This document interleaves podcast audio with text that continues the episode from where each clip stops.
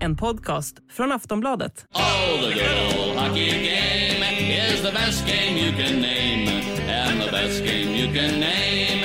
Hallå, hallå, hallå, hallå, hallå, hallå, hallå. Ja, nu har jag och Per Bjurman precis spelat in ett nytt avsnitt av NHL-podden. Det är 367 i ordningen och ojämna avsnittsnummer innebär ju numera att det är ett plusavsnitt och då hittar ni podden i Sportbladets eller Aftonbladets app.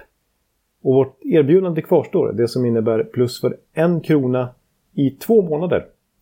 Och då är det fortfarande samma URL, alltså kampanj.aftonbladet.se nol podden som gäller. Eh, där hittar ni det här erbjudandet. Och vad pratar vi om den här veckan då?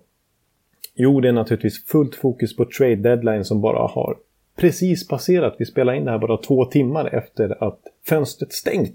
Och det hände ju väldigt mycket. Det var ju 33 deals som fortfarande inte var avklarade när ja, som helt enkelt var i NHLs kö för att godkännas när eh, trade deadline passerat. Eh, och vi pratar om i princip alla lag, framförallt alla topplag och vi pratar om alla stora trader, alltså Claude Giroux-traden, eh, Mark-André Fleury, Mark Jordan och med flera med flera, inte minst alla svenskar, Hampus Lindholm, Rickard Rakell, eh, Johan Larsson, Robert Hägg, Marcus Johansson. Jag glömmer säkert någon. Men det gjorde vi inte i podden i alla fall. Där pratade vi om alla möjliga. Eh, och ni hittar alltså podden i Sportbladets app.